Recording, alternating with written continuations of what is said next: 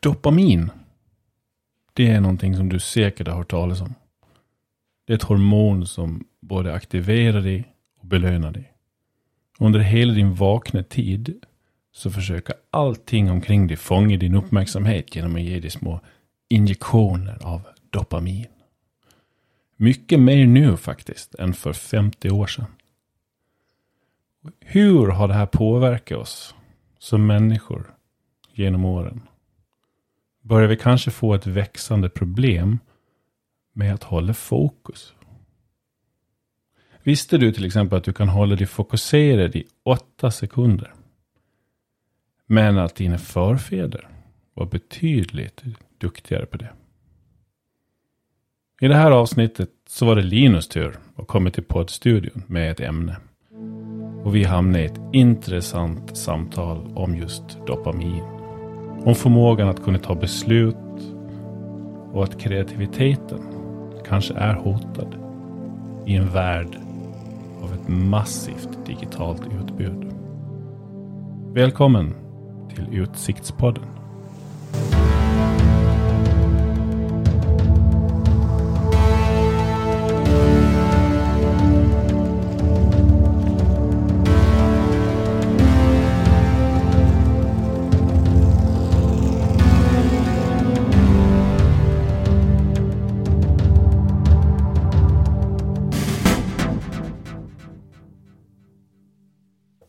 Jag tänker, innan vi börjar idag så måste vi nästan kommentera hur det ser ut idag. Och då tänker jag på poddvärlden. Det har varit ganska mycket uppståndelse där.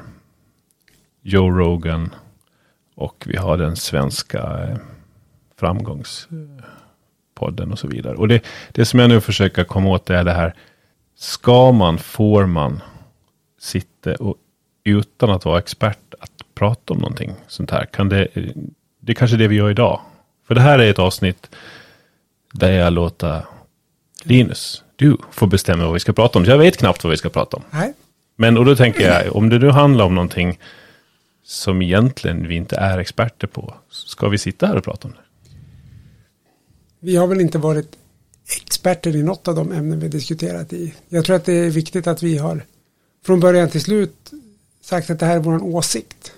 Och jag tror att en stor del av det som har hänt i, i båda de här två andra fallen du tar upp, det är väl att man man kanske berättar hur det är istället för hur man tror att det är. Det är lite hur man paketerar det budskapet man har. Vi påstår inte att vi sitter med några riktiga svar. Nej. Men i båda de här två kontroverserna så har eh, det ju pekats på forskningsresultat som styrker det man säger. Fast det kanske inte var så egentligen. Alltså det, det går ju att tolka data som man vill. Är man öppen med det tycker jag inte att det finns någon risk med att ha åsikter eller tycka A eller B. Däremot att liksom sälja sina åsikter som, som sanning. Det är en annan sak. Tycker, tycker jag. Mm. Och där, där, kan man också diskutera utgivarens ansvar och Spotify och cancellering och så vidare. Vad man tycker. Jag har svårt att uttrycka mig där. Jag tycker att någon form av reprimand kanske man ska få när man säger något som inte är sant och påstår att det är sant. Men sen mm. om man ska stänga av en hel liksom det kanske borde finnas andra liksom, instanser som hanterar sånt. Mm. Jag tror att jag har försökt att vandra ganska försiktigt på den balansgången. Med tanke på de ämnena som har varit tidigare på den. Antisemitism och mycket, lite sådana här NATO. Det har varit frågor som, som rör upp. Och jag har försökt att balansera det snarare på att jag bara väcker debatten. Ja. Snarare än att jag bara, än att jag sitter och säger att så här ligger det till. Och det får väl jag även idag då. Vi får vara väldigt försiktiga med att eh, det här är en åsikt. Eh, det är någonting vi tror eller det är någonting vi tänker men vi säger inte att det är varken bu eller bäv. Antar jag. Nej, alltså det är samma som när vi hade våra, det första avsnittet jag var med. Det, det är inga sanningar om varken simulering eller kolonisering. Men det var ju tankar som, ut, åsikter som man, som man väljer för att väcka, kanske skaka loss någonting. Alltså jag, säger, jag tänker inte använda ordet provokation men kanske en uppmaning till att tänka lite kring de här ämnena. Mm. Det, det, liksom, det finns ju inga rätt eller fel och jag tror inte det finns då, det har vi diskuterat tidigare, finns det rätt eller fel i något ämne? Ja men det finns ju det som forskningen har kring konsensus kring och så finns det det som forskningen inte har konsensus kring. Mm. Mer än så kan vi kanske egentligen inte uttala oss. Nej, så är det. Och jag är väl i, i grundläggande för att man ska kunna se eh, båda sidorna i en debatt. Eh, och att man ska kunna prata om allt och ta upp och diskutera allt. Mer diskussion tycker jag vi människor behöver. Ja. Men med det har jag inte räknat med de här kaninhålen vi också pratar om ibland. För där, det är ju, där har vi människor som kanske bara ser en sida av debatten forever. De kan aldrig hitta fram. Och då blir det ju plötsligt farligt om man sitter och pratar om någonting. När människorna egentligen inte ser den andra sidan. Och, och jag tänker i poddsammanhang också. Nu, nu har inte vi gjort det än. Vi har, eller jag har i alla fall inte varit med om att vi har editerat våra samtal särskilt mycket. Utan vi har haft våra samtal. Och så har de kommit fram. Men det finns en risk om man sitter och har en konversation i ett visst sammanhang som man sedan editerar bort. Så man, man har en åsikt och en, en, en konversation, en dialog i, i ett visst sammanhang. Och sen blir det ett öppet, liksom, ja, Joe Rogan-fallet. Vi vet inte vad de pratade om innan och efter de minuterna som spelades in. De kanske hade jättemycket, ja, abrovinker och liksom brasklappar och förklaringar. Och sen kommer det inte ut i deras sammanhang utan det kommer i, i hans fall kommer det ut på globalt sammanhang. Där, där, mm. där, alla väger in med sina erfarenheter, sina upplevelser. In med den här liksom inputen och så smäller det av alltså tankar och idéer därifrån. Mm. Vi måste ju, jag vet inte hur mycket man måste vara så superförsiktig. Men man måste också tänka att vi, vi sitter två personer här i vårat sammanhang och med våran relation och bakgrund. Och det som vi säger till varandra det, det kan ju väcka andra saker i andra människor i andra sammanhang. Så är, det.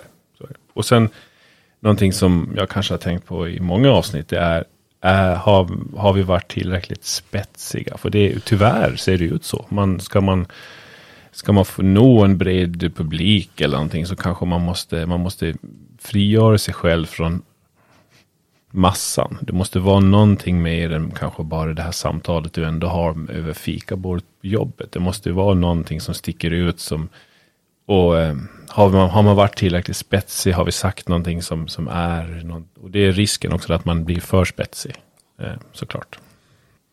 Jag tror också det där kommer av att man väljer de ämnen som är eller inte är, alltså mycket av det här, precis som du säger, handlar om marknadsföring.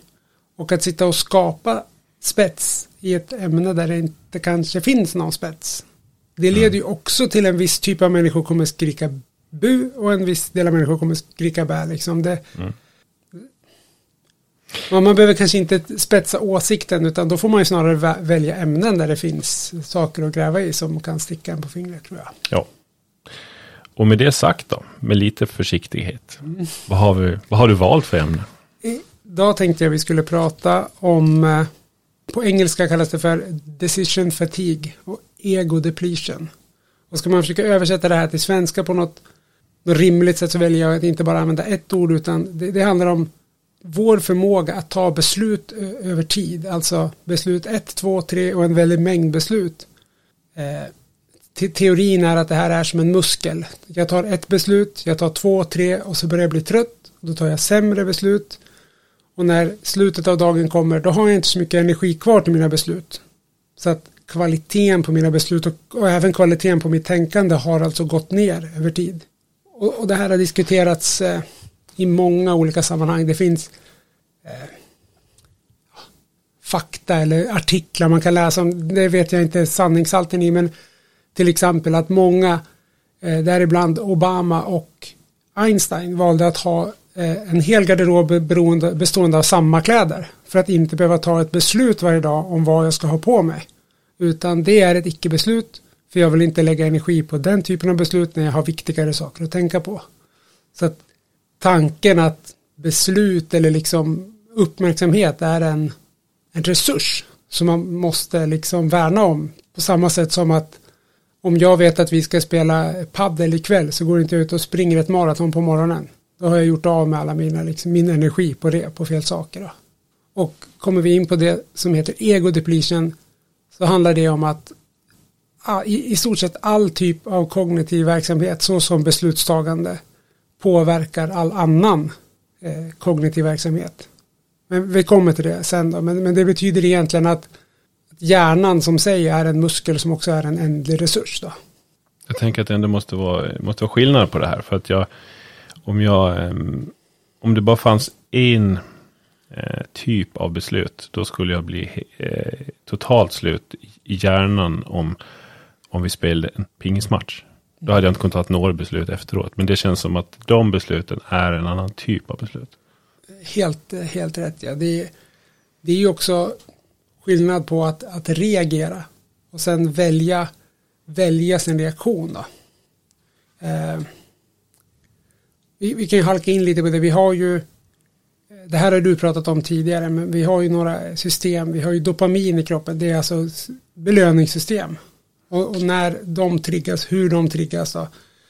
Eh, men vi har ju även eh, den andra sidan, man brukar prata om amygdalan, det är alltså den delen i hjärnan som styr vår oro och vår stressrespons.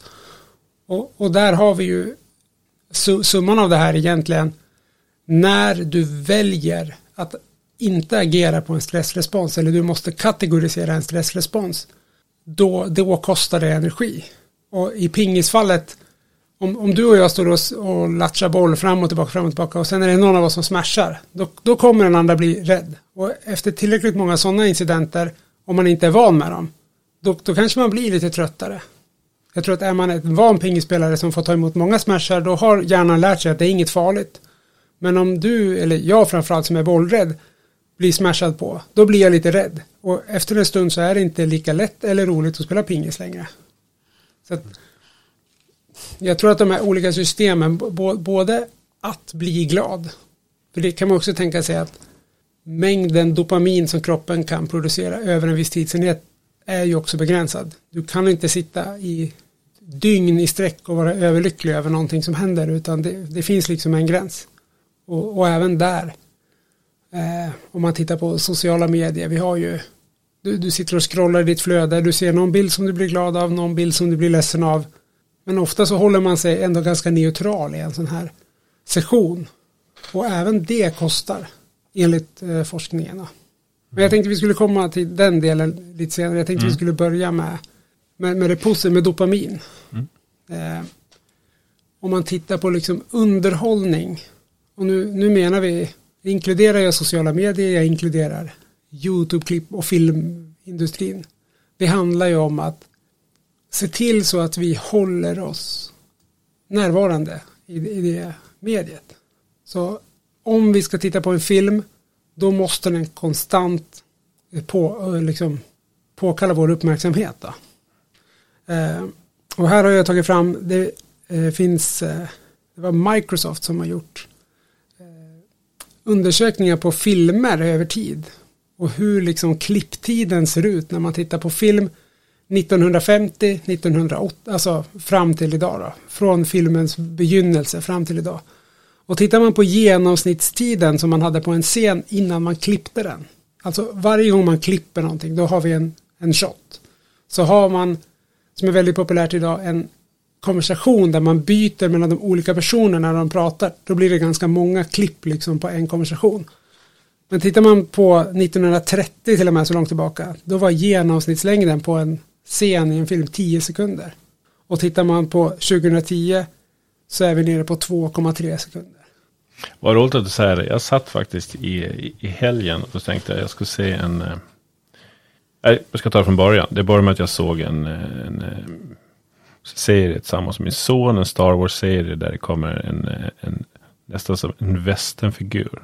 Som heter Cad Bane. Med sån här västernhatt. Och han finns med i Star Wars liksom som en ja, lite ondare snubbe. Men cool liksom. Och sen så läste jag lite om det. Var kommer den här Cad Bane ifrån? Ja, han är tagen från den onde, den gode, den fule med Clint Eastwood. Den här, en sån här gammal western, spagettivästern från 60-tal någonting tror jag. Och, det, ja. och där är han tagen från och han, han är alltså den, den, den onde i den här westernserien. Och så tänkte jag, har jag sett den här Clint Eastwood-filmen egentligen? Ja, nej, det är nog bara sådana man har hört talas om. Det finns ju några sådana här för en handfull dollar mer och häng dem högt och all, eller vad det nu heter. Men jag är inte jätteduktig på dem. Men den onde gode fula har man hört. Så jag tänkte, ja, jag ska sätta mig och kolla den. Och jag klarade kanske säg 20 minuter. Och sen, sen kände jag att, att jag fixar inte tempot. Jag har blivit skadad. Alltså det är så långa scener man ser någon som går i öknen och går. Och, och sen, eller de sitter vid ett bord och det är blickar, en sked som tas upp och det är gröt som äter. Så är det, nej, vad skadad man har blivit. Och, och det är även tempo, precis som du säger, över hela filmen. Men även, det, det ser man ju. Ett exempel som kom upp när jag eh, läser på om det här, det är ju då Peter Jacksons King Kong. Den, nu har jag inte fått utskriften här, men den är nästan tre timmar lång. Och den har alltså en genomsnittslängd på 2,3 sekunder per scen. Och då är det ganska viktigt. Man kan inte pacea en film där man har tre sekunder och klipp hela tiden. För det blir inte intressant för hjärnan. Det blir för, då blir det för mycket åt andra hållet. Så det gäller att man har några långa scener. Och så när man liksom börjar tappa publiken då måste man snappa in dem igen. Så det finns ju många sekvenser i den filmen där, där klippen är liksom halvsekunder och inte kortare. Och, och allt det handlar om det är ju att få ditt intresse, kroka dig en stund till och så liksom hela tiden fylla på det här. Och det är ju någonting som vi har, som vi har blivit lärda. Alltså jag, jag tror ju att de som gjorde film på 60-talet, de visste också precis hur man behöver klippa den för att den ska vara intressant. Men när de provade att klippa för snabbt, då blev det för snabbt.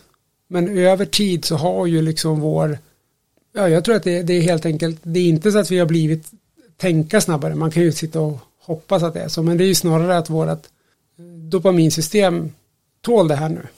Vi behöver så här mycket för att bli krokade nu. Och tittar man på barnprogram idag så ja, nu, nu började jag titta på barnprogram i slutet på 80-talet och hade min peak barnprogram på 90-talet. Då var det ju ett tempo som mina föräldrar tyckte var vansinnigt snabbt. Det tyckte inte jag. Men tittar jag på moderna barnprogram idag så har jag, då, då går det alldeles, alldeles för fort. Och jag tror att den trenden driver ju hur fort filmerna sen går i vuxenvärlden också. Det går snabbare och snabbare och snabbare hela tiden.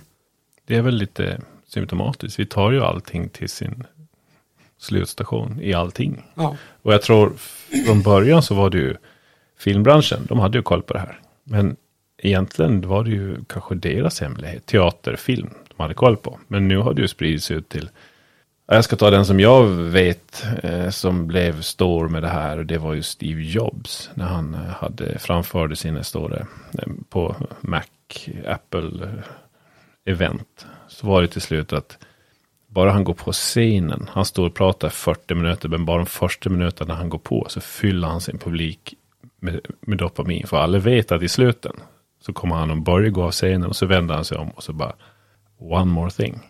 Och då kommer liksom den största nyheten. Och det här, bara att han går på sig i början så fylls man lite dopamin. Och sen så påminner han det ibland att, ja vänta, va, just det, det tar vi sen så till slutet. Så han är ju han är en mästare med dopamin. Och det han, det han gör då, det är, alltså dopaminet, eh, man, man, vet att det skapar ett, ett HBR, men det skapar motivation, det skapar fokus, kreativitet och sen kommer minne och koncentration. Och det är det här man vill. Man vill ju att folk ska komma ihåg det man säger. Så om du hela tiden pytsar ut lite dopamin så pytsar du också ut minne och koncentration. Och folk kommer ihåg det. Och förväntan är ju en, det är ju en drog i det här sammanhanget. Att, att liksom att man ska sitta och vänta och inte missa det.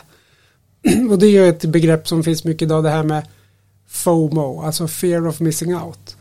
Och det, det är extremt stort Framförallt när man har medier som inte går i repris. Ett YouTube-klipp kan man alltid titta på senare men nu är det mycket populärt med Du har ju Snapchat som bara finns en gång.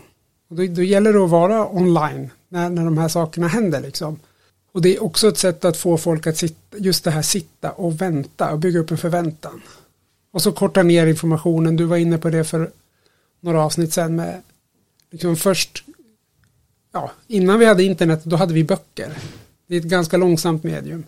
Sen kom vi liksom in, vi började med bloggar, vi började liksom med långa inlägg, sen kom det Twitter, det blir liksom kortare och kortare grejer för att man ska hinna med fler per, per tidsenhet dels och dels för att är man bra på det så är det ju lättare att hålla någon engagerad under den tiden det tar att läsa färre tecken.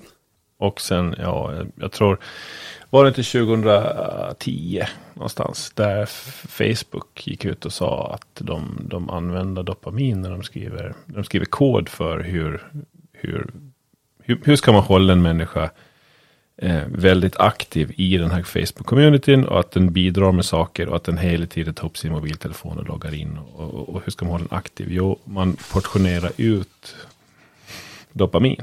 Ja.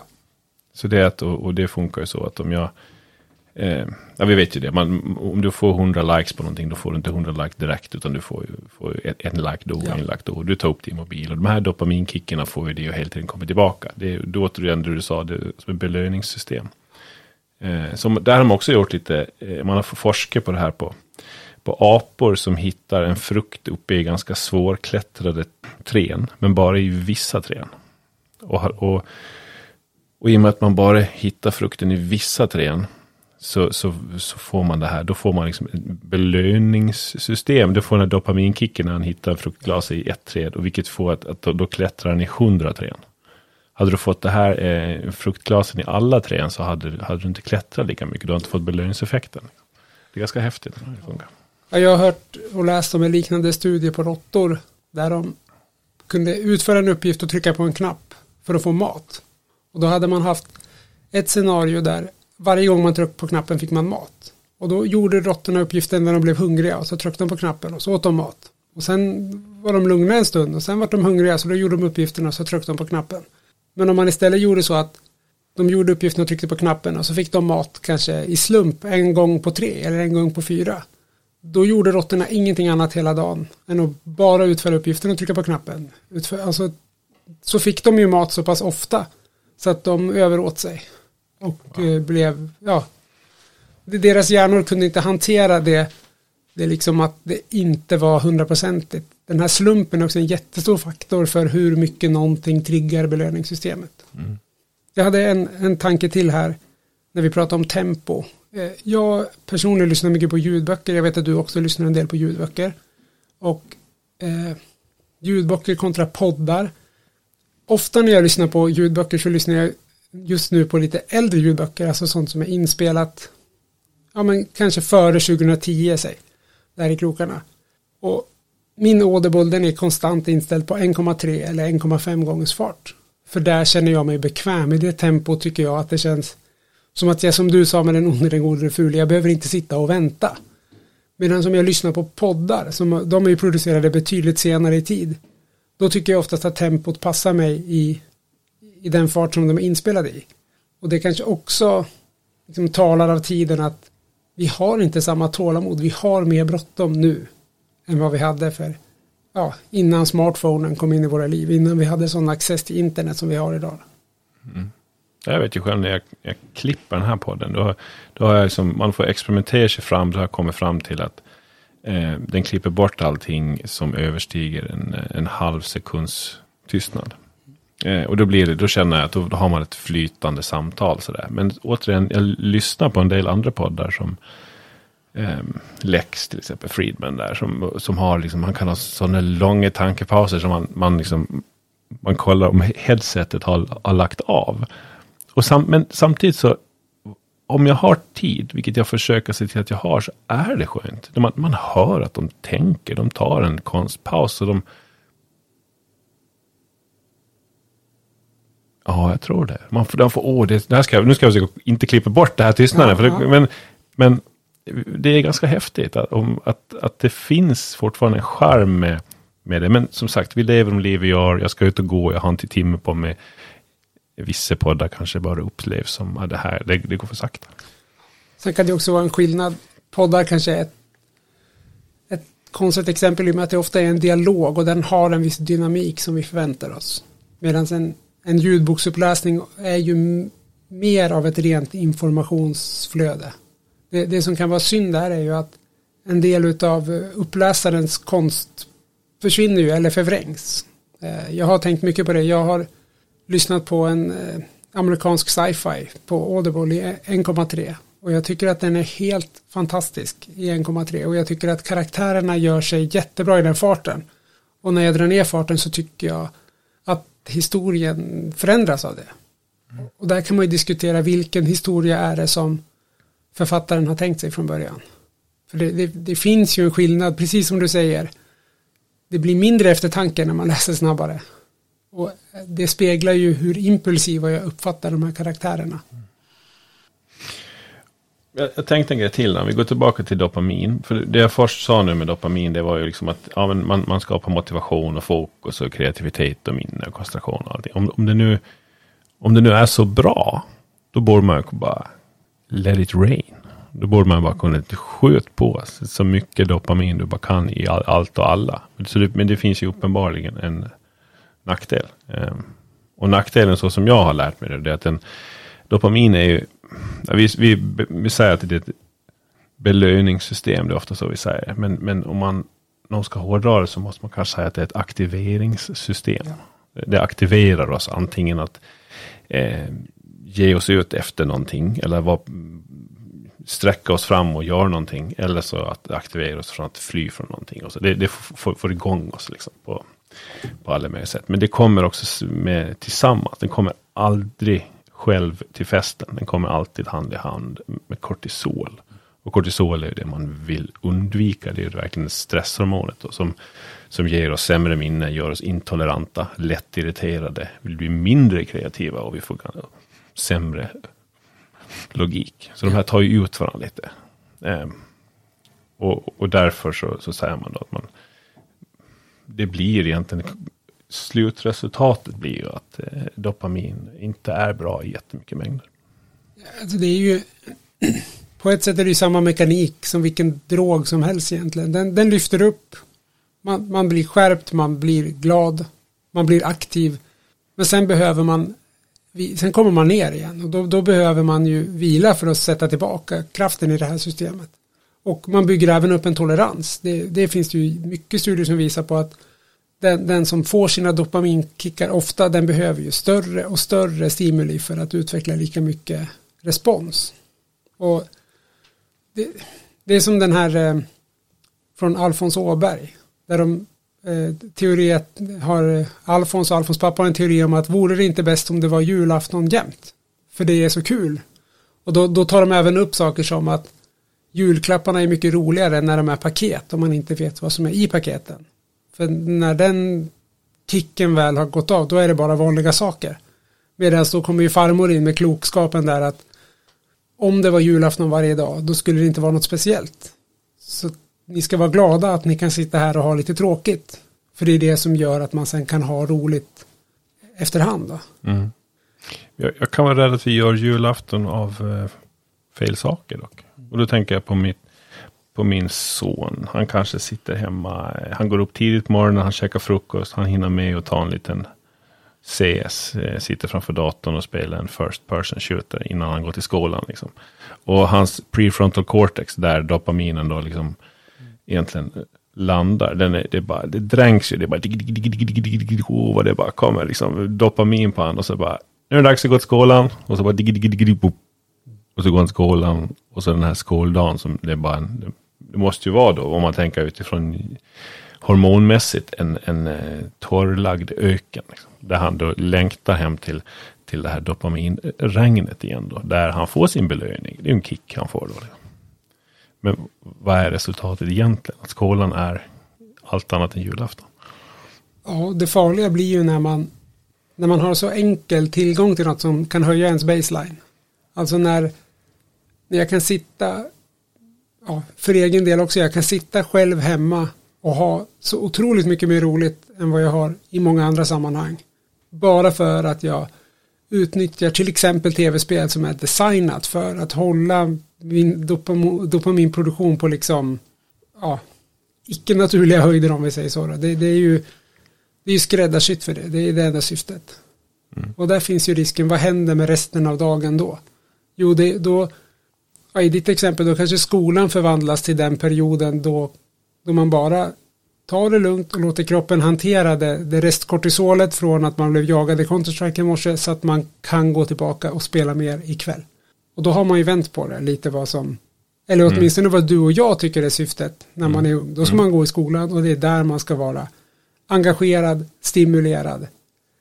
Men det kanske inte alltid är så lätt att nå till den liksom produktionen av dopamin i skolan. När den måste tävla mot så otroligt tillgängliga liksom källor. Ja, de, de tävlar mot, alltså det man, det man slåss mot, det ska man ju, tycker jag inte man ska hymla med att det är en drog. Alltså dopamin är ju en, är en drog.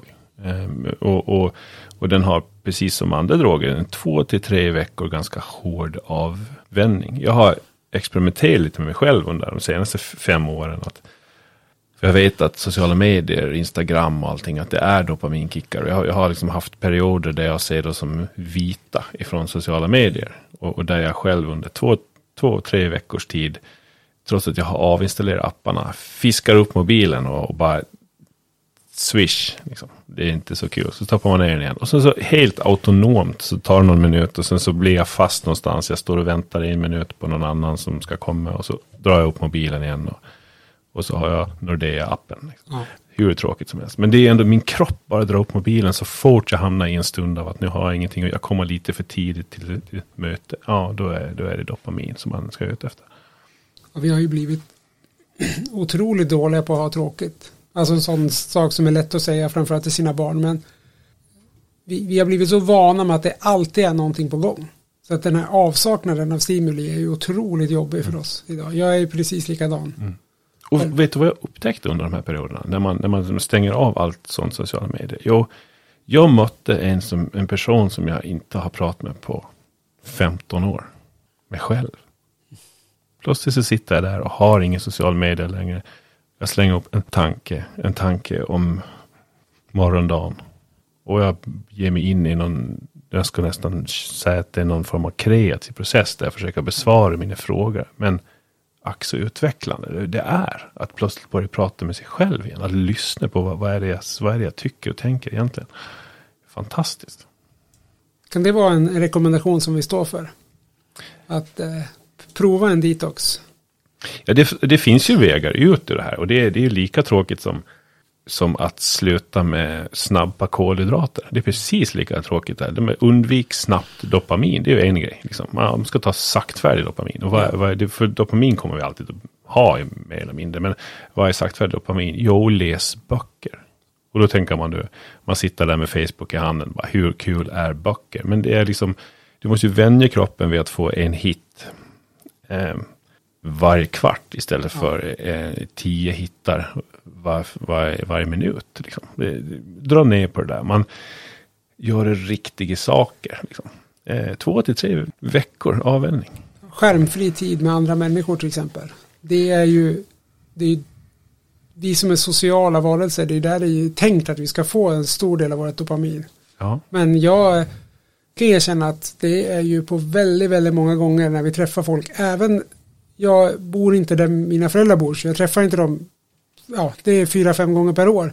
Men även då så sitter vi med våra respektive skärmar. Ja. För att det är, det är där man behöver gå för att liksom stilla det här dopaminbehovet. Ja, ja. Och jag märker bara, som jag sa förut, när man kommer tidigt till ett möte. Vi kan sitta åtta stycken i ett konferensrum och vi väntar fyra minuter på att mötet ska börja alla sitter med sin mobil. Mm. Och, och, att vara den här, den här enda personen då som försöker föra dialog med någon. Det, det, man är inte jättepoppis alltså. För de, mm. för, för de andra människorna, de har liksom fyra minuter, de ska hinna av, klara av de här, de ska kolla vad, vad har lagts ut, vad händer, vad gör de andra. Vad, eh, och så sitter jag där och ställer mm. frågor om eh, jättetråkiga Ja. Mm. Ska vi hoppa till nästa? Ja, men kör på. Nu försvann, jag behöver nya kickar här. ja. Men jag tänkte vi skulle eh, gå lite djupare in på det här med, nu har vi nuddat det här ämnet mycket, men det som på engelska kallas för ego depletion. Eh, jag, jag, tror att vi har nuddat en del av svaren, men, men i korthet så går det ut på att om vi tvingas att ta beslut eller om vi tvingas att kategorisera eller omkategorisera ett hot eller någonting som vår kropp vill agera starkt på, då eh, då påverkar det vår kognitiva förmåga. Och de studier som har gjorts på det här, det debatteras för övrigt om den här effekten finns, men egentligen så debatteras det inte om den, det är snarare så här, om man säger att den sträcker sig från punkt A till punkt Q, är det inte egentligen bara fram till P som den sträcker sig och borde den heta så här och borde den heta så där. Men man är överens om den effekten som man ser. Och den effekten är just det att om man eh, utsätter människor för situationer där de måste ta många beslut eller något som är väldigt populärt i, i forskningen är att man, man låter försökspersoner titta på väldigt starka bilder och filmer. Alltså våld och liksom otäcka saker. Och så försöker man aktivt att de inte ska agera på det här. De, de ska liksom försöka trycka undan. Liksom försöka hålla sig liksom neutrala fast de får se de här hemska sakerna. Och då ser man att de väldigt snabbt hamnar i det här stadiet som man kallar då att man är egodepleted. Alltså man är tömd på liksom sin, sin eh, styrande förmåga. Och, varför, varför kallas det, e- alltså jag hakar kanske ihop mig på egodepleted. Jag tänker, då är jag in på en annan hormon. Då tänker jag lite serotonin, lite självförtroende, jaget. Det, det är inte det som töms, det är snarare decision depletion. Eller? Ja, fast jag tror att man menar liksom jaget som i Ja, det är det som är intressant. Det är inte bara din beslutsfattande förmåga som påverkas, utan man har till exempel bett folk att göra minnesövningar, eh, kognitiv sån här eh, klassiska IQ-test, titta på en sekvens och förutspå nästa steg i sekvensen. Och man ser att förmågan att utföra de här uppgifterna också sjunker av att man har då tagit många beslut om andra saker. Man, man kan sitta och sortera strumpor och så blir man sämre på att komma ihåg det man har läst efteråt. Och det är det som är eh, ego depletion, att man hamnar i ett stadium där man inte tänker lika klart. Man blir också sämre på att ta beslut. Eh, alltså man, vid varje beslut man tar eller sån här annan sak eh, som man gör som tröttar ut en dag, det här med till exempel att undertrycka sina känslor, så blir man en sämre beslutstagare. Och det betyder även att, att ta beslut och att inte ta beslut. Så att en person som är tömd på, på kraft i det här sättet lyder bättre. Vilket är mycket intressant för att eh, om man utsätter en sån person för uppmanande reklam så är det mycket enklare att de går med på det och klickar köp. Så det, det finns ju ett värde i det finns ett värde i att forska i sådana här saker. Det finns också ett värde i de här algoritmerna som vi har pratat om tidigare. Att försöka hitta till den här platsen lagom snabbt. För återigen, återigen, utsätts vi för information som tröttar ut oss för fort, då kommer vi behöva backa undan. Om det går för långsamt, då är inte det ekonomiskt hållbart. Så det gäller att hitta en sweet spot där man på så få meter som möjligt på Instagram kan få någon att hamna i ett läge där nästa reklamfilm nyper liksom. Mm. Riktigt spännande. Och det kan jag tänka mig, det kanske används också då att man, eh, man använder det lite taktiskt. Eh, kan jag tro. Först massor frågor och sen på slutet så, så har man medvetet och lagt saker där man kanske vill att, att, eh, att den ska hoppas över, skippas, besvaras lite sämre och så vidare. Ja, jag har ju, nu går vi utanför det som det finns riktig forskning på. Det här är mm. nu blir det mm. teorier. Nu har vi mm. gjort den varnat för att ja. det här har vi inga belägg för. Är det balansgång? Ja, eller så kanske vi kliver över, jag vet inte. Men jag tänker att om jag hade designat en algoritm som, som skulle styra socialt media och det är vi överens om sedan tidigare. Socialt media, de är inte där för att vara snälla, de är där för att tjäna pengar. Tjäna pengar, det gör man när man kan ta betalt eh, för någonting. I, I vårat fall så får ju vi sitta på Instagram gratis. Så att Får du någonting gratis så är du ju inte en kund. Får du någonting gratis så är det lättare att tänka att du faktiskt är en produkt. Den som är kund det är den som köper reklamplats då på Instagram. Och då har vi återigen, hade jag designat de här algoritmerna då hade jag tänkt på de här sakerna i, i till exempel eh, algoritmen säger att när Ingemar är på Instagram så brukar han scrolla i ungefär åtta minuter i snitt om det är mitt på dagen lite längre på kvällen innan han ska sova. Det här har vi koll på och det här är ju data som, som finns där ute. Den har vi redan gett upp. Det var länge sedan. Allting är ju sparat. Um, och då skulle jag tänka så här. När i de här åtta minuterna brukar han stanna lite längre på reklamen, kanske till och med klicka på någon sån här länk, köp en ny t-shirt eller vad det nu kan vara. Jag skulle också kunna tänka mig att jag tar mer betalt för att få vara reklam nummer åtta än vad jag tar betalt för att vara reklam nummer ett. För nummer ett, då är du fortfarande fräsch och hungrig och vill se fler bilder som dina eh, kontakter har publicerat på Instagram än att liksom även om du skulle scrolla förbi något som du blir intresserad av att köpa så tänker du jag tar det där sen. Först vill jag se vad, vad mina vänner har lagt upp för någonting. Jag skulle också använda den här effekten att starka starka bilder och, och starka känslor tömmer mina potentiella tittare snabbare. Och, och, nu kommer vi in på ren spekulation. Men om jag var en ond person som ville skriva en algoritm så skulle jag också se till att eh, den typen av reklam som ofta kommer för eh, välgörenhet. Då är det väldigt ofta eh, svältande barn, människor i krig som lider. Det är eh, väldigt tydliga, snabba liksom. De hamnar direkt på den här flickan är orolig när hon går till skolan. Och det är klart, jag sitter ju här på min rast. Jag vill inte liksom, det är inte det jag är här för just nu. Men jag tittar på det, jag tänker på det, jag trycker undan det jobbiga och så scrollar jag vidare. Men vad har hänt? Jo, jag har lämnat en del av min liksom, handlingskraft bakom mig där. Jag skulle ju till och med kunna tänka mig att om klippen är av den karaktären så får ni billigare plats. För ni kommer ju hjälpa mig att sälja mer sen på reklam nummer åtta.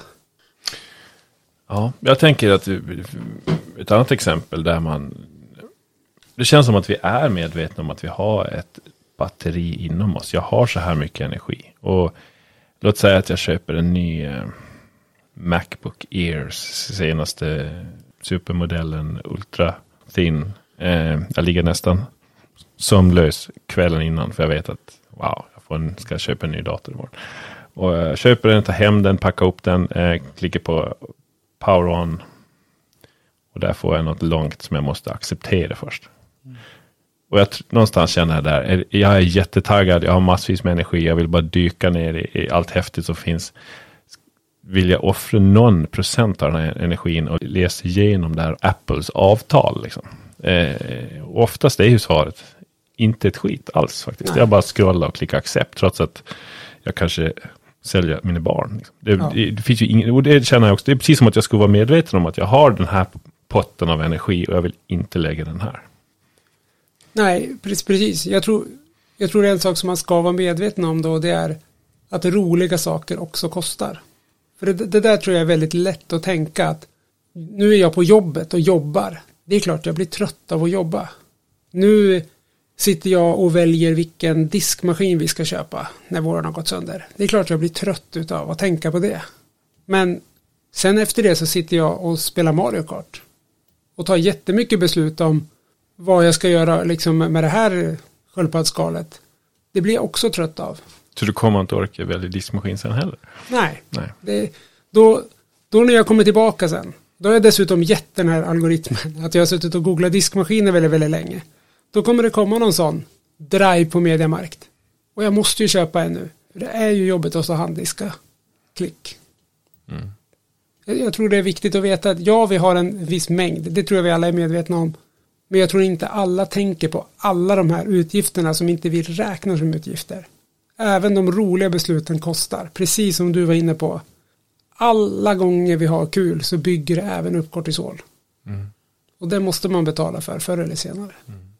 Återigen någonting som lägger en rekommendation att kanske ta en paus ifrån eh, ja, Instagram. Vare sig man eh, tror det eller ej så tror jag någonstans att, att det, det också kostar. Varenda, allting du scrollar förbi som det kan handla om kompisar du känner och de är, de är på semester. Och, och bara du ser en semesterbild på någon kompis på ett hotell så, så hinner du tänka 50 tankar. Varför är de där? Varför, varför är inte jag där?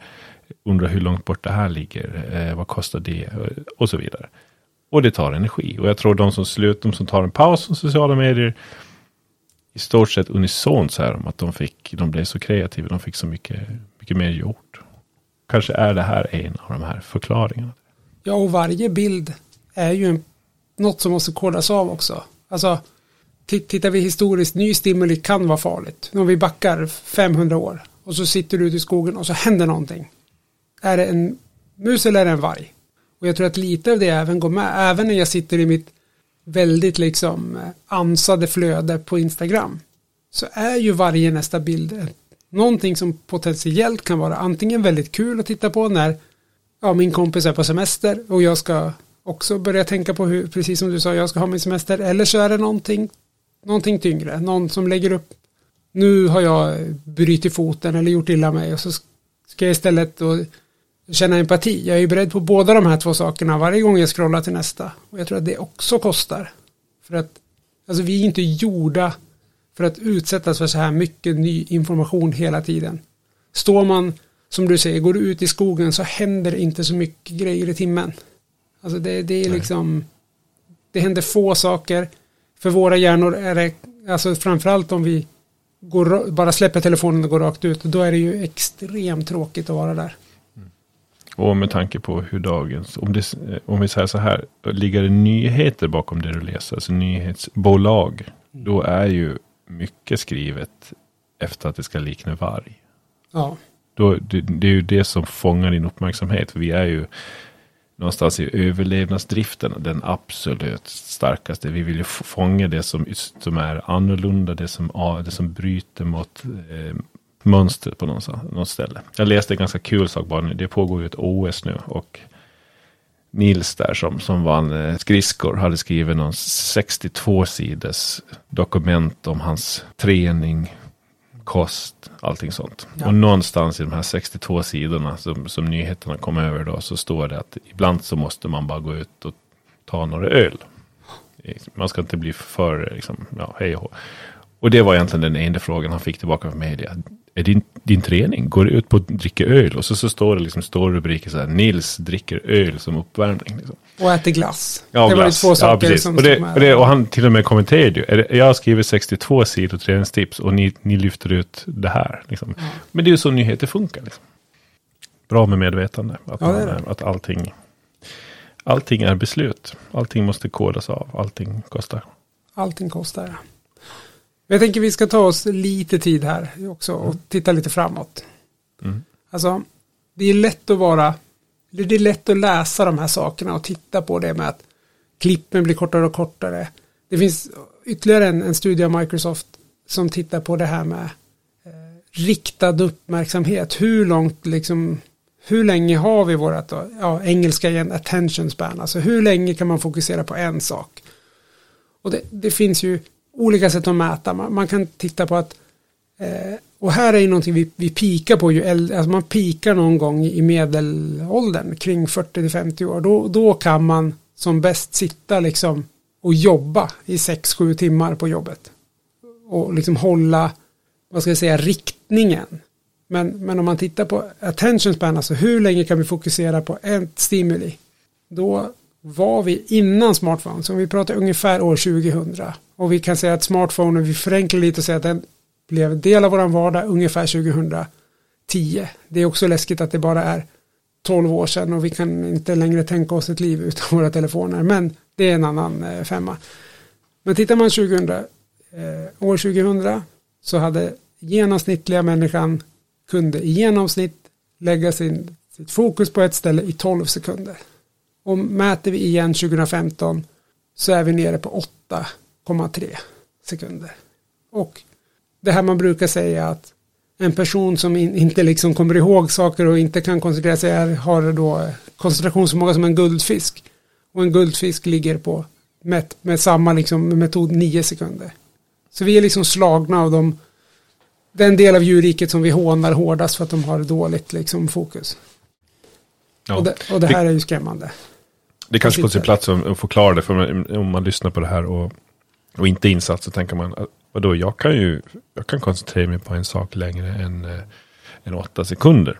Eh, absolut, jag kan koncentrera mig på någonting i 20 minuter, men det, då, eh, då omfokuserar du hela tiden. Alltså du, du, kan hålla en tanke och du kan tänka på en prick på bordet som du ser framför dig och du kan inte tänka på den egentligen, alltså bi, biologiskt skulle jag vilja säga, men alltså det, det är svårt för dig att tänka på den längre än ja, säg, säg 10 sekunder då. För någonstans under mellan de här 10 sekunderna så måste du omfokusera hela tiden. För din hjärna och tankarna svävar iväg. Det går inte att hindra.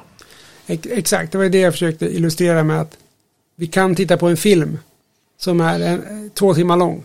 Men precis som du sa med den onde, den gode, den fule, du kan inte titta på en scen som är två timmar lång om det inte hela tiden händer någonting som får dig att fokusera om. Så ungefär var tionde sekund så måste det komma en ny anledning till att tycka att det här är intressant. Och det spelar ingen roll hur, alltså hur motiverade vi än är. Så, så tar det stopp där. Eh, men, men det där går ju också liksom att agera på och säga så här, men gud vad hemskt, var, var är vi på väg? Men, men det är ju också en jätteintressant fråga att eh, samtidigt som de här sakerna händer så det är ju inte så att vetenskapen stannar av utan, utan vi, vi uppfinner ju nya saker och vi, vi verkar liksom det verkar ändå som att mänskligheten klarar av det här. Och då är ju frågan var är vi på väg? Alltså vi blir sämre kanske på att koncentrera oss på en sak länge. Det finns studier som visar att ska man skapa och komma ihåg fakta man har läst så måste man kunna fokusera på det länge. Till exempel om man ska lära sig allt fakta som är i en bok. Men det här har vi också varit inne på hur hur viktigt är det idag? Alltså fakta i sig. Det har man ju alltid i fickan. Är det liksom är det så enkelt att säga att det är en dålig sak att vi blivit vi har blivit sämre ja på att hålla fokus på ett ställe men vi har blivit väldigt bra på att hoppa runt. Om nu det är bra. Ja, men, men eh, det är det jag menar. Det behöver ju inte, det måste ju inte vara någonting dåligt. Nej. Jag blev så fascinerad när du sa att, att man pikar på och håller fokus mellan 40 och 50. För det är ju, då är vi egentligen inte skapta för det heller. För att vi människor, vi är skapta för att leva 40 år.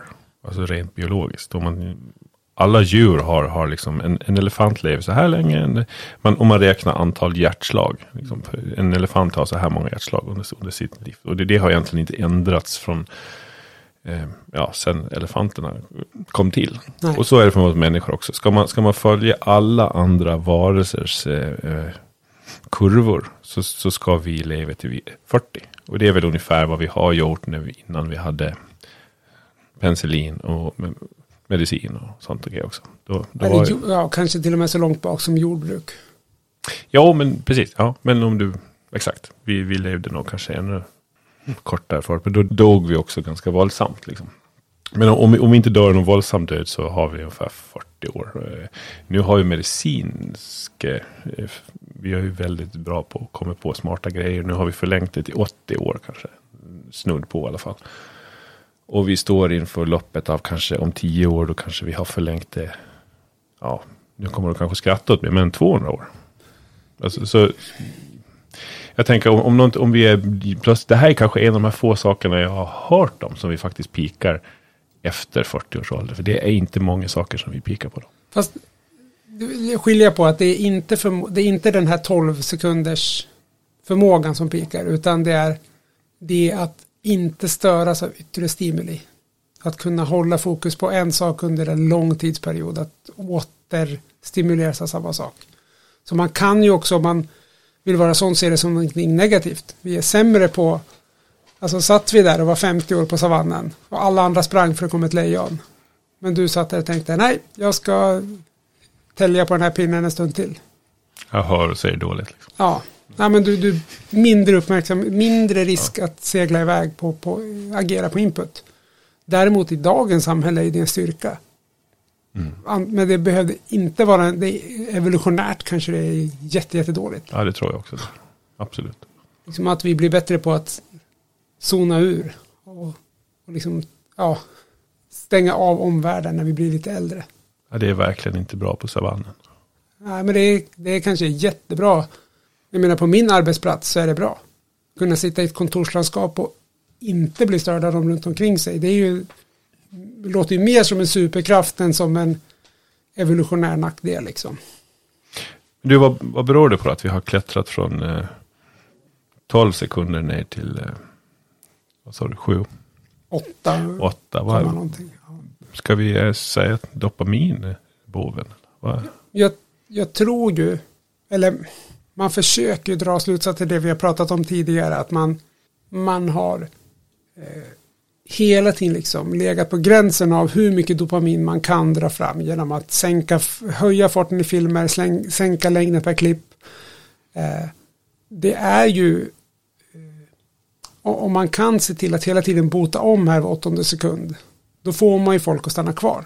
Om man botar om var 20 sekund då har hälften stängt av där mellan, någon gång mellan 8 och 20 för det här var inte särskilt kul, det kanske finns något roligare att titta på. Och jag menar underhållningsvärlden och, och även, ja, alltså världen lever ju på den gränsen, man vill ju hela tiden ligga där det är där folk är som mest engagerade. Blir det för långt, då tappar folk. Blir det för, för korta klipp, då tappar folk. Men jag, jag tror ju att det är bättre att ligga där man kan producera så mycket dopamin som möjligt och då flyttar ju fokus sig mot snabbare och snabbare antagligen. Men det här är en teori. Det är inget som jag har någon backning på. Nej. Det, är sam, det är samma som du pratade om tidigare med, med det här med, med kolhydrater. Jag menar det, det finns ju, man skulle ju, om, om det alltid var bättre att ha mer socker i någonting, då, då skulle det enda som folk köpte i affären vara socker. Och sitta och äta med sked på fredagsmyset. Men det finns ju där en gräns för hur sött någonting kan vara. Men jag kan ju också tydligt se att det som var godis på 50-talet och det, det, som var godis idag, det som är godis idag är ju mycket sötare än det som var godis på 50-talet. Det är inte riktigt samma finess. Ett, ett bakverk ifrån 1950, det kan ibland nästan mer vara ett bröd idag. Medan ett bakverk idag, då märks det att här har man, här har man hela tiden man hittade som skruv mm. liksom jag, jag slås av en, jag ska inte säga rädsla, men en, en fundering här. Och att det är om man vill liksom eh, styra, kontrollera, fånga in, låta någon vara en passiv eh, åskådare eller passagerare i en berättelse. Då är ju dopamin den, eh, det rätta verktyget. Men om jag istället söker kreativitet. Så, som alltså den bästa kryddan för kreativitet är ju uttråkad. På något sätt. När, när du börjar den här interna dialogen eller när du känner att du måste du tvingas aktivera dig själv. När barnet eh, sitter i rummet och inte har några leksak plötsligt efter en stund så blir en kastrull världens häftigaste leksak. Det är det här som, och jag tycker, är dopamin, vad är det vi riskerar? Jag vi kanske riskerar mindre kreativitet i världen. Ja, ja helt klart. Är inte det ganska läskigt? Jo, jag, jag tycker det är. Det hade inte ens jag med på mina dystra sidningar om framtiden. Men det har du nog helt rätt i. Alltså, dopamin är, tyckte du uttryckte det bra där, det är ju liksom en, en drog som får folk att följa med på en berättelse. Men eh, är det, ja, i viss mån kan man ju också vara eh, lite domedagsmänniska och tänka att det är det som de som styr vill. De vill ju ha att man ska följa med betala. Och ja, alltså jag är lite inne på den biten fortfarande men man, man, vill skapa, man vill ju skapa en grupp människor som håller med om det man säger. Och det bästa sättet är kanske, det kanske är att berätta en historia som de vill lyssna på och följa med i. Och det är den, då är ju dopamin ett extremt bra verktyg för det. Mm. Och mindre bra om du, om du själv vill vara en eh, kreatör på något sätt. Och det är då, det tänker man att konstnär följer inte sociala medier för att det finns någon eh, det får man inte göra, då är man inte fin nog. Utan det är, det är snarare då, det finns ju en biologisk och kemisk förklaring för det kanske. Att man, man, man blir mer en följare än någon som skapar. Ja, och man hamnar ju också i det där att man söker sina kickar med. Jag, jag, kan, jag kan extrapolera lite åt andra håll också. Vi, vi har ju de här människorna som hamnade eh, det, det, finns den här, de vann på Lotto och de fick allt de ville ha och sen ble, blev det liksom spelmissbruk eller det blev droger eller liksom andra prostitution, vad, vad det nu kan vara liksom. Att när man, om man baselinar, om, om man liksom mättar ut sitt dopaminsystem för att få mer dopamin så måste man hela tiden pusha och göra någonting mer extremt. Då, eh, då skapar man inte, då, de måste ju helt plötsligt också bli mer kreativa och hitta nya sätt att liksom toppa ut den här skalan hela tiden. Medan den som, den som får sitt dopaminbehov liksom uppfyllt varje dag, lagom mycket, det är ju en följare. Den som sitter som du sa, barnet som inte har några leksaker och börjar leka med en kastrull, den får ju för lite dopamin. Den behöver vara kreativ för att skapa sig ett läge där den får dopamin. Den som får för mycket dopamin kanske också måste vara kreativ. Men då har vi den i, i ett läge där hjärnan går på högvarv och stresshormonerna går också på högvarv. Och det kanske blir mer destruktiv kreativitet i ett sånt läge. Ja, men jag tror, ja, jag tror alla är behov av det. Och jag tror alla söker sig det förr eller senare. Även om vi säger den som, den som undviker det här snabba dopaminet. Alltså det som man får från, från någon annans eh, berättelse. Utan istället skapar sitt eget. Eh, får ju fortfarande dopamin men på ett annat ställe. Och kanske i en annan mängd, färg eller kulör. Och jag tänker på, vi tar poddning till exempel. Jag kan lyssna på andras poddar. Och får liksom någon dopaminkick när de kommer på någonting häftigt. Eller någon in i någon härlig debatt som jag får någon aha-upplevelse av. Det är liksom wow, wow, det här måste jag komma ihåg. Det där gav mig någonting.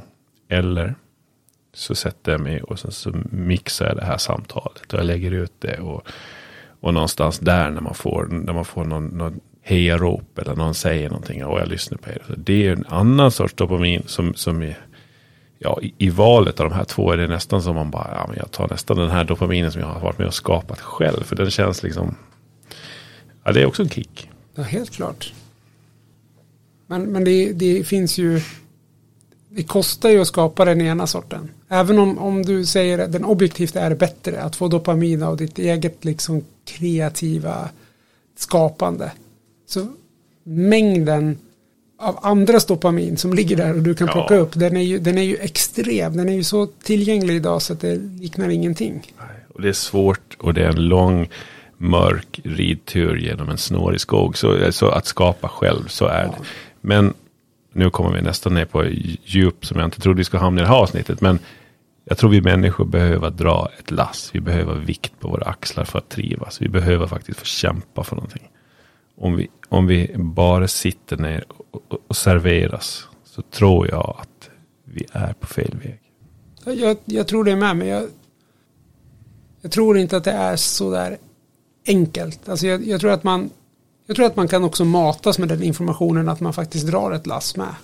Eh, fast det, det, kan vara precis som du säger, men det är driften av att göra det på riktigt som gör att man fastnar i de här ja, nu ska vi inte välja fot sådär, men om vi tittar på de här, eh, det har vi inte tagit upp, nu tog vi upp Joe Rogan, men vi har inte tagit upp de här eh, frihetskämparna där i Kanada. Eh, lastbilschaufförerna som har blockerat hela städer för att inte regeringen ska blockera deras liv. Det, det kanske är lite samma där, de har ju också matats av en information. Och nu vill de också skapa någon, alltså mm de, de har också hamnat i ett narrativ där de har följt med. Där, där man har valt liksom vart vill jag få mitt dopamin ifrån. Och så vill jag också göra någonting. Och, och när man har valt liksom sitt narrativ då, då vill man fylla på med dopamin där och så vill man göra, skapa sitt eget. Och då det, det, det är ju som du sa, liksom, ja, det är följarens drog, men det är ju också någonting med att, att göra saker själv och liksom skapa och tillföra någonting till den här berättelsen. Mm. Som, som kan bli lite missriktat. Eller åtminstone väldigt ensidigt. Man har hamnat i sitt narrativ och det är där man lägger sin energi för att fylla på. Vi fyller ju på i en annan hink, du och jag, när vi sitter här. Och de fyller, fyller på i sin hink. Mm. Jag tror att den här tyngden man har på axlarna när man, när man eh, alltså genom livet, när man måste kämpa för någonting, när man måste vara med och bidra, även om det är tungt den tyngden skapar värde. Och utan värde så blir vi deprimerade. Mm. Jag tror det här är jätte, jätteviktigt. Det är som att ta bort, eh, om vi pratar döden. Det döden gör är att skapa värde åt det vi kallar liv. Att döden finns är det som får mig att gå upp på morgonen och försöka ta del av den här dagen. Det är för att jag vet att döden finns. Så det är lika bra jag passa på nu. Och det är lika väl de här dagarna då vi, då vi måste kämpa oss till jobbet genom regn och slask och sitta där och göra någonting som vi tycker är meningslöst och det är tungt och det är jobbigt. Men jag, det skapar ändå värdet och jag måste ha den tyngden. För om jag bara sitter hemma, ingen behöver mig, jag tillför inte någonting, jag har ingenting på mina axlar. Då kryper känslan av värdelös fram. Och jag tror det här är jätte, jätte, jätteviktigt. Och jag tror att någonstans i alla sociala medier om man sitter och bara åker med och tittar. Om man aldrig gör någonting. Så tror jag det kryper fram. Jag tror också att det är en stor effekt av att vi lever i ja, den privilegierade delen av världen. Vi, vi har, vi, vi kan komma väldigt långt. Alltså, ska inte på något sätt liksom säga att vi inte utsätts för lidande och det, det finns saker att må dåligt över även för oss och det finns många som har en verklighet även i våran del av världen som är horribel. Men det finns många här också som det är fel att säga glider på, men liksom vi, hit, vi behöver inte det riktiga lidandet. Vi har inte varit hungriga hela vårt liv. Det, det, finns många här i Sverige som har det så också, självklart, men det finns de som, som inte liksom behöver utsättas för det överhuvudtaget i sin vardag. Och då tror jag, precis som du är inne på, att man känner att någonting saknas och då måste man hitta en sten, plocka upp den och bära den, för att det är också, ja, alltså det här med att utsättas för dopamin föder kortisol. Och det är alltså stress. Men stress föder ju också dopamin. Att, att du liksom titta på den som tränar hårt. Att, att gå, gå liksom på ett crossfit-pass. Det är inte skönt någonstans att göra burpees tills man kräks. Men efteråt då, då är hela hjärnan som ett stort fyrverkeri av, av liksom alla möjliga positiva förstärkelser i alla fall. Och då kan man ju också diskutera hönan och ägget där liksom. Dopaminet föder kortisol. Men kortisolet föder också dopamin. Mm. Eh. Och, och, kortisol har man gjort studier på eh, krymper hippocampus. Eh, alltså långvarig eh, höga nivåer kortisol krymper egentligen i förmåga att ta beslut. Den här stresskonen blir liksom permanent i ditt, i ditt liv. Och det, och det är ju ganska läskigt ändå att, eh, att man kan se det i forskning. Mm. Ja, det bara lider mot sitt slut. Vi har, eh, vi har väckt tankar, hoppas jag. Du har i alla fall väckt tankar hos mig. Så en person har, du, har vi flyttat på i den här podden. Ja, det kanske räcker. Kanske. Och detsamma. Um, otroligt intressant ämne. Som kommer att få bo kvar lite i, i tanken hos mig nu. Allting kostar. Bara en sån grej. Allting, allting kostar. Allting kostar. Det är eh, läskigt. Men jag tror insikten är eh, måste vi ha. Tack så mycket. Tack så mycket.